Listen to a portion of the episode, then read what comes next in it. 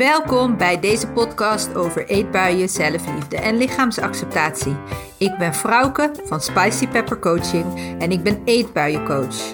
Wil jij weten hoe je af kunt komen van jouw eetbuien? Ga dan naar mijn website spicypepper.nl.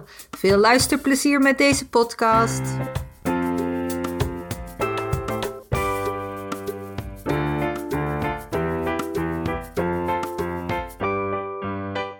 Kun je dik en gezond zijn? Jazeker. Kun je dun en ongezond zijn? Ja, zeker.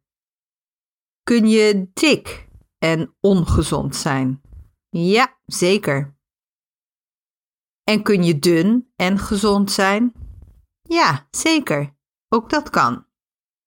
Wanneer je worstelt met eetbuien, met snoepen, snacks, snaaien, dan komt dat vaak voort uit bijvoorbeeld te weinig eten, uit eetregels, uit restricties. En juist dat te weinig eten, die eetregels en die uh, restricties komen weer voort uit dat je je lichaam niet goed genoeg vindt. Dat je vindt dat je te dik bent en dat je vindt dat je moet afvallen of dat je vindt dat je minder moet eten. En daar ligt vaak een fabeltje onder. Mensen denken, en jij misschien ook wel, dat je ongezond bent als je dik bent. En dat je gezonder bent wanneer je dunner bent. En daar wil ik het vandaag met je over hebben. Want dat is de grootste bullshit ever. Je gezondheid is niet alleen maar je lichaamsgewicht of je buikomtrek. Je gezondheid bestaat uit je lichaam en je geest. Jij bestaat uit je lichaam en je geest. Dus gezondheid bestaat ook uit lichamelijke gezondheid, je lijf, en mentale gezondheid. Hoe je het allemaal in je koppie hebt zitten. En lichamelijke gezondheid is veel meer dan hoeveel vet je in je lijf hebt. We hebben het bijvoorbeeld over bloed. Stroomt het bloed wel goed door je aderen? Zijn je organen in orde? Hè? Functioneren je nieren goed? Klopt je hart voldoende? En nemen je longen voldoende zuurstof op? Als je een roker bent, dan heeft dat effect op je longen. En dan heeft dat dus effect op je gezondheid. Dat weten we allemaal. Hè, stoot je lever alle gifstoffen nog af? Of werkt die niet meer? Zo gaat het nog goed met je darmen of zijn ze prikkelbaar en hebben ze, kunnen ze moeilijk eten uh, verwerken. Het zijn allemaal dingen, organen in je lijf die ook te maken hebben met je gezondheid. En die, en die je bloed en je organen houden je natuurlijk ook in leven, dus super belangrijk. En daarnaast heb je ook je bewegingsgestel, met een mooi woord. En dat gaat over je spieren en je pezen en je botten. Want je weet ook dat als je spieren overbelast, krijg je spierpijn. Of als je pees is ontstoken, dan, dan, dan kun je minder goed bewegen. Of als je een bot breekt, hè, als je broze botten hebt, bijvoorbeeld. Als er een bot scheef groeit, dan heeft dat natuurlijk ook weer effect op je lichamelijke gezondheid. En je spieren en je pezen en je botten hebben dan vooral effect op hoe je je beweegt. En dan heb je ook nog je hormonen. Je hebt heel veel hormonen in je lijf. En bij hormonen denk jij misschien alleen maar aan menstruele menstruatiehormonen. Hè? En, en waar ik als eetbuiencoach vaak over praat, zijn hongerhormonen, verzadigingshormonen. En je hebt nog, nog veel meer hormonen hoor in je lijf. En daarnaast heb je ook je bloedsuikerspiegel en je cholesterol, hè, wat eigenlijk ook gewoon bij je bloed uh, uh, hoort. De mate van vocht in je lijf is heel belangrijk, want je lichaam bestaat voor, nou ja, gemiddeld 65 tot 70 procent uit vocht. Vocht zit in al je organen, in al je cellen. Vocht zit in je bloed, vocht zit in je adem, in je ogen zit vocht, in je hersenen. Hè? Dus als je vocht tekort hebt, dan is dat heel ongezond voor je. Of je goed slaapt, of je voldoende nachtrust hebt, is belangrijk. Want tijdens slaap en in je nachtrust, dan herstelt je lichaam een, van een aantal processen. Het is niet zo dat je lichaam dan stilstaat of stopt. Hè. Sommige mensen zeggen je mag niks meer eten na acht uur, want alles gaat dan lager. Nou, ook dat is onzin.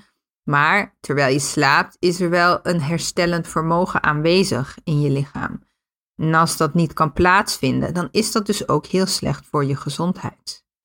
En denk ook eens aan je zintuigen, aan dingen kunnen proeven, dingen kunnen ruiken, dingen kunnen zien, dingen kunnen aanraken.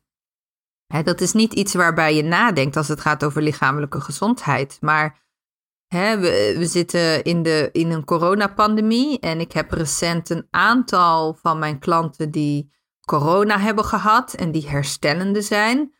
En er is bijvoorbeeld een klant bij die nu na een aantal weken coronavrij, dus in haar herstelfase, nog steeds geen smaak terug heeft, wat heel veel impact heeft op haar eetpatroon. En dus heeft dat ook indirect dus impact op je mate van gezondheid. En als ik dit zo opnoem, hè, je bloed, je organen, je spieren, je pezen, je botten, je hormonen, je bloedsuikerspiegel, cholesterol, vocht, je, je herstel hè, met slaap en rust en je zintuigen, dan snap je dus hopelijk dat je gewicht ook maar ja, 10% is of zo hè, van je gezondheid. En heel vaak wordt er ook gezegd: ja, maar er zijn een aantal klachten die komen omdat je zo dik bent. Hè? En ook dat wil ik wel even aanstippen. Want het is dus dan de vraag: is er een correlatie of is het de oorzaak? En als je dus dieper gaat kijken naar klachten, dan kan er wel een correlatie zijn, maar dan hoeft het, het te veel gewicht hoeft helemaal niet de oorzaak te zijn. En helaas zie ik dat wel heel vaak gebeuren. Wanneer mensen worstelen met zwanger worden, met PCOS of met prikkelbare darmen, ehm, allerlei andere klachten, uh, slaapapneu bijvoorbeeld, dan wordt er gewoon heel snel gewezen naar het overgewicht en dan moet je maar afvallen en dan gaan de klachten vanzelf voorbij. En ik wil je echt op je hart drukken dat het heel belangrijk is om niet zomaar alles te geloven, om kritisch te blijven, goed na te blijven denken en goed onderzoek te doen of dat dat ook echt zo is. Dat recht heb je en die plicht heb je eigenlijk ook naar jezelf toe. Om daarover ook met mensen, met artsen, met specialisten in gesprek te blijven.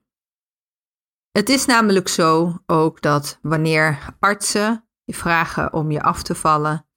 Afvallen is namelijk in heel veel gevallen niet de oplossing voor klachten. En vooropgesteld, hè, ik ben geen arts, ik ben geen specialist, maar ik weet heel veel van afvallen en van diëten en van lijnen af.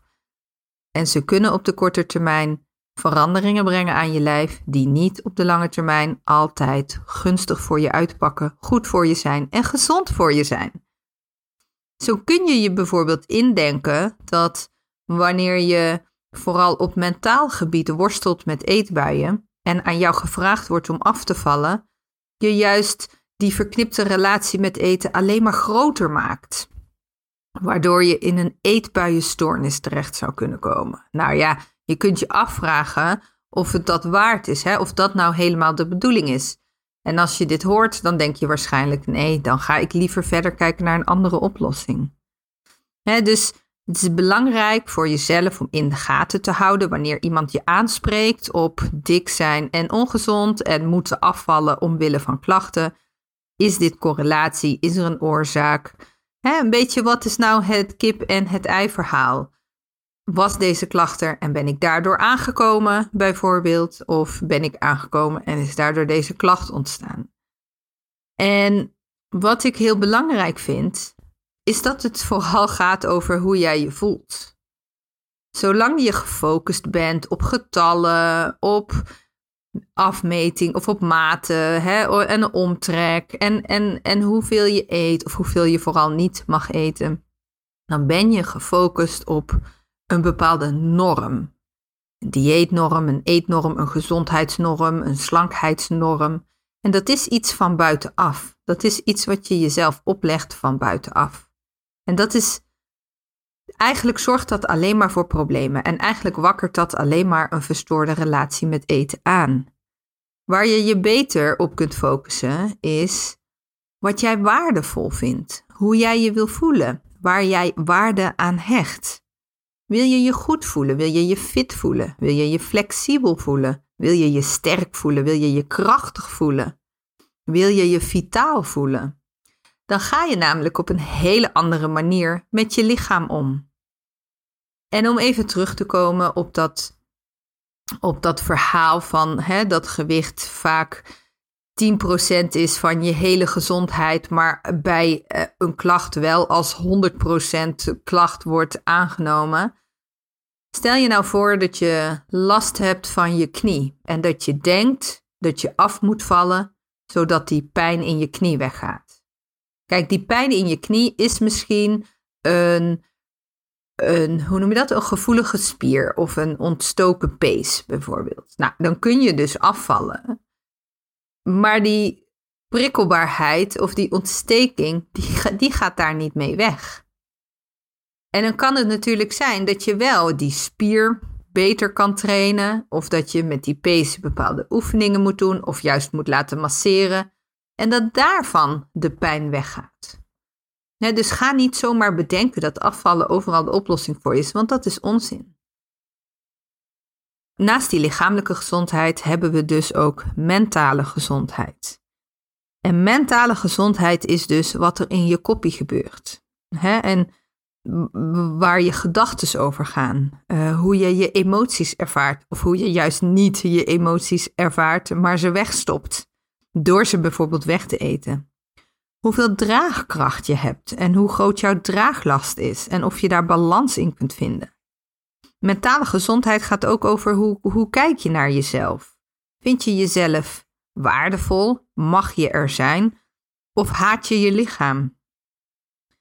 En naast al die dingen over jezelf is mentale gezondheid ook hoe je sociale interactie hebt. Dus heb je mensen om je heen, heb je sociale contacten, kun je met andere mensen praten, doe je leuke dingen, kun je daarvan genieten, kun je een bijdrage leveren aan iets wat jij heel belangrijk vindt, hè? aan iets in onze samenleving, aan een bijdrage leveren aan je vrienden. Um, er voor iemand zijn, hè, wat jou zelf weer het gevoel geeft dat je ertoe doet. Dat zijn ook allemaal dingen die in de piramide van Maslow staan. Misschien heb je daar wel wat van gehoord. En anders kan ik je ook nog doorverwijzen naar mijn blog. Uh, hoe word ik weer blij met mijn lijf? Daar heb ik een heel stuk geschreven over hoe belangrijk die mentale gezondheid is en wat daar allemaal in zit. Dus als het gaat over Kun je dik zijn en gezond zijn? Ja, dan kan dat zeker. Want je kunt dik zijn en sterke spieren hebben en je fit voelen en een goede conditie hebben en balans hebben in je hormonen en voldoende vocht hebben en een goede nachtrust hebben en tevreden zijn met jezelf en blij zijn met je lijf en blij zijn met je vrienden en genieten van het sociale leven en iets doen wat ertoe doet dan ben je dus dik en gezond. Dat kan. En ik wil nog een paar inspirerende voorbeelden daarover met je delen. Zo was er bijvoorbeeld in 2017 Reagan Chastain. Ik volg haar ook met heel veel plezier op uh, Instagram, want zij is ja, een, een vetactiviste, om het zo maar even te zeggen. Zij besteedt heel veel aandacht aan gewichtstigma. Reagan Chastain, die in 2017 met haar 130 kilo een marathon uitliep. 130 kilo en een marathon uitliep. Neem dat maar even in je op. Hoe tof is dat? En, en haar record, haar record voor hè, zware mensen die sportief zijn, werd verbroken in 2019 door Jennifer Smith, die met 160 kilo een marathon uitliep. En wat je ook vaak ziet aan, in inspirerende voorbeelden, want ik volg heel graag inspirerende dikke vrouwen die sporten. Wat je ziet is dat heel veel dikke vrouwen uh, krachttraining doen. En waarom is dat? Omdat zij hele sterke spieren hebben, omdat zij dat gewicht al met zich meedragen. Dikke mensen hebben per definitie st sterkere spieren dan dunne mensen. Dus doe daar je voordeel mee. En als het gaat om krachttraining en fitness, vind ik Mac Box een heel inspirerende vrouw om te volgen op Instagram. En waar ik ook nog graag naar kijk, is naar Fat Yoga, Tiffany Crow. En zij heeft allerlei programma's met yoga-oefeningen voor dikke mensen. Oefeningen waarin je prima yoga kan doen zonder dat je last hebt van dat je buik in de weg zit of dat je met je voet je billen niet aan kunt raken. Nou, je kan wel voorstellen wat ik daarmee bedoel. Dus er zijn echt heel veel voorbeelden ook van dikke vrouwen die super gezond zijn. En als ik naar mezelf kijk, dan beschouw ik mezelf ook als gezond.